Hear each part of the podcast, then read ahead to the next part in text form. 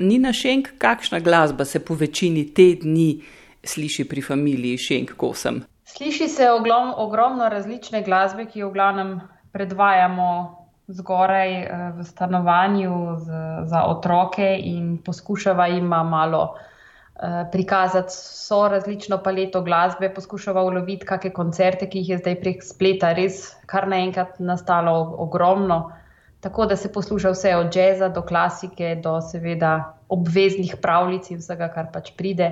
Ko se pa preseliva v spodnje prostore, kjer imamo pa vsak svoj uh, prostor za delo, sem pa jaz ugotovila, da pri meni se predvsem zelo tiha in mirna glasba pojavlja v teh tednih. Uh, nekako mi nimam ne energije, ne občutkov za neko energično, močno glasbo, ampak nekak zven te, tega časa se mi poraja in preliva na papir. Je zven take glasbe tudi povezan kaj s skladbo v nastajanju? Je kakšna skladba v nastajanju? Uh, končala sem skladbo za trobilni trio in je, uh, sem ji dala tudi naslov sicer v nemščini, ampak v slovenskem prevodu bi bilo in potem je prišel mir. To je bila skladba, mhm. ko sem jo v bistvu začela pisati, kakšen teden ali pa deset dni po začetku, uh, se pravi, te epidemije, ko smo vsi obtičali doma in sva se takrat z možem pogovarjala, da je Ljubljana postala res tako zelo tiho mesto. Nastala je sredi glavnega mesta Slovenije, totalna tišina, nikjer nobene glasbe, nikjer nobenega hrupa pravzaprav.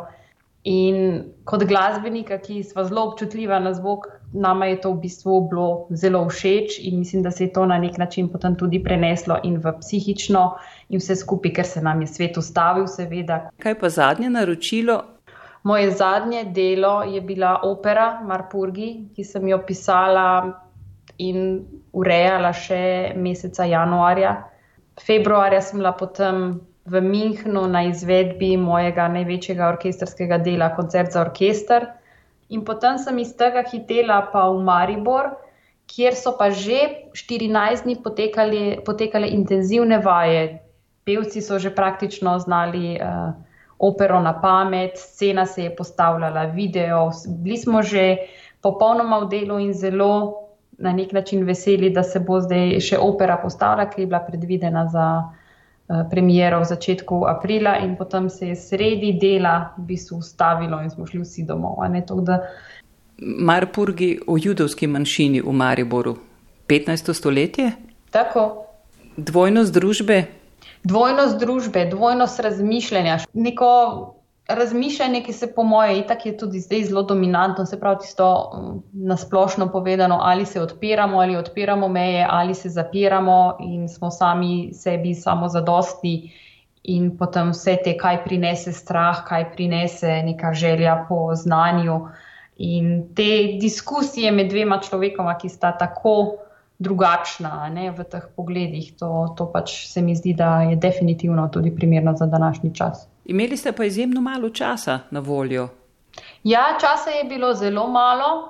Takrat sem rekla, in ko, eh, še preden sem začela, in najbolj pa, ko je, bilo, eh, ko je bila skladba končana, sem rekla, da tak projekt s takim tempom, to si pa lahko dovoliš, po moje, samo enkrat na deset let, že zaradi zdravja.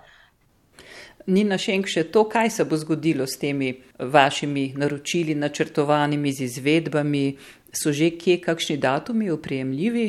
Eh, v Nemčiji 24. maja bo ansambl Modern uh, naredil prvi koncert po korona uh, epidemiji pred publiko v dvorani.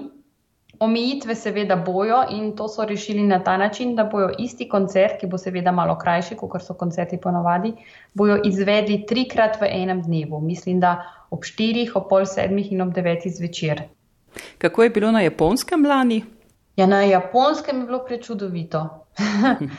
Ampak drugače, japonska je um, čudovita, kolikor sem jo videla. Jaz sem bila res uh, v okviru tega uh, festivala tam le na polno zaposlena. Um, to je festival Takefu, ki ga organizira svetovno znan skladatelj Tošijo Hosokava in sem na njegovo povabilo tudi odšla tja. Najbolj sem si želela končno jesti pravi japonski suši, do katerega načeloma niti prišla nisem, z izjemo par sardinc in skuš, ki sem jih pojedla, mislim, da so bile skuše. Ja. Tam sem bila vabljena tudi kot skladateljica, ki je predstavila svoje delo in kot mentorica uh, skladateljem od recimo, ki so že končali študij do mlajših. Kakšna specifika te sodobne klasične glasbe na japonskem in njenega ustvarjanja? Kakšna oprijemljiva za v treh stavkih? Ja, v treh stavkih v bistvu bi rekla za eno samo besedo, ne haiku. To je to.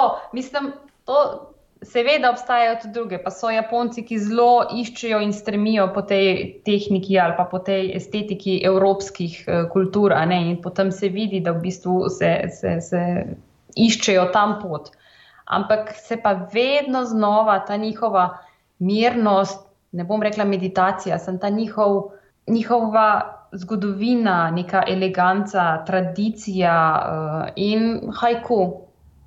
In te, te pozornost za detajle, za, za lepoto v majhnem, nič preveč, ničesar, nič preobložiti, ampak krajši izčistiti eno malenkost. To se zelo vidi tudi v, v glasbi sami in notacijah. Kaj pa vašo pedagoško žilico je v tem času, kaj spodbudilo v tem korona času, mislim?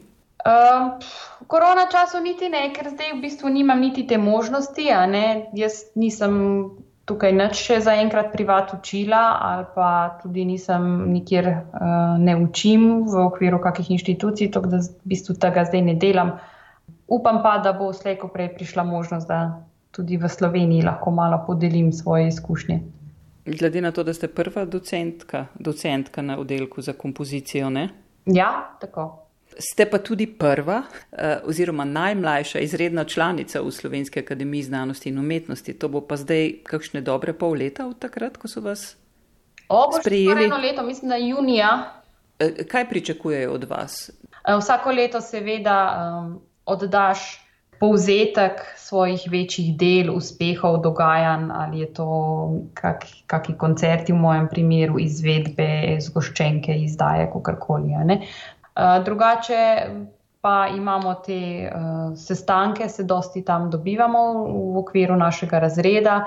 Uh, diskusije so vedno zelo dobre, ogromno nekih tem se dotikamo, kjer vsak izraža svoje mnenje in moram povedati, da je to ena kako bi človek rekel, res ena izmed, eh, vedno se veselim teh naših sej, ker samo pogovori na, takih, na takem nivoju, s takimi intelektualci, to je pač paša za ušesa, bi rekla, v tem smislu, da dejansko lahko diskutiraš na nekem nivoju. Se mi zdi, da smo to že malo pozabili ali pa da nismo več tega navajeni na, na televiziji, to zdaj že redko vidiš. In, uh, migamo, migamo in podajamo svoje mnenje, in se tam res dobro počutim. Mi je pa tudi zelo v veliko čast to, da som, sem v bistvu preko Sazuja sedaj članica upravnega odbora Cankareve nagrade. Uh, to je nova nagrada, ki bo letos podeljena prvič za literarno delo. Se pravi, ne samo tako kot je kresnik za roman, ampak za kakršno koli literarno delo. Uh, Um, in sem v upravnem odboru in smo potem tudi z njimi, seveda, vse skupaj pripravljali. Sedaj uh, pripravljamo tudi to prvo podelitev, ki bo predvidoma junija na vrhniki. Uh, in je lepo biti uh, v nečem takem, da v bistvu si del tega, da že pomagaš, da lahko tudi svetuješ, da lahko že podajaš mnenje in si slišan in si upoštevan. In, uh, Organizacija časa, pa če se spomnim pogovora najnega lani, pa vam nikoli ni povzročala preglavic. Ja, to, to sploh ni težava. To, to, to je meni eh, prej hobi kot kaj drugega, da, da si nekako na, načrtujem dan, načrtujem teden. Če ne naredite vsega?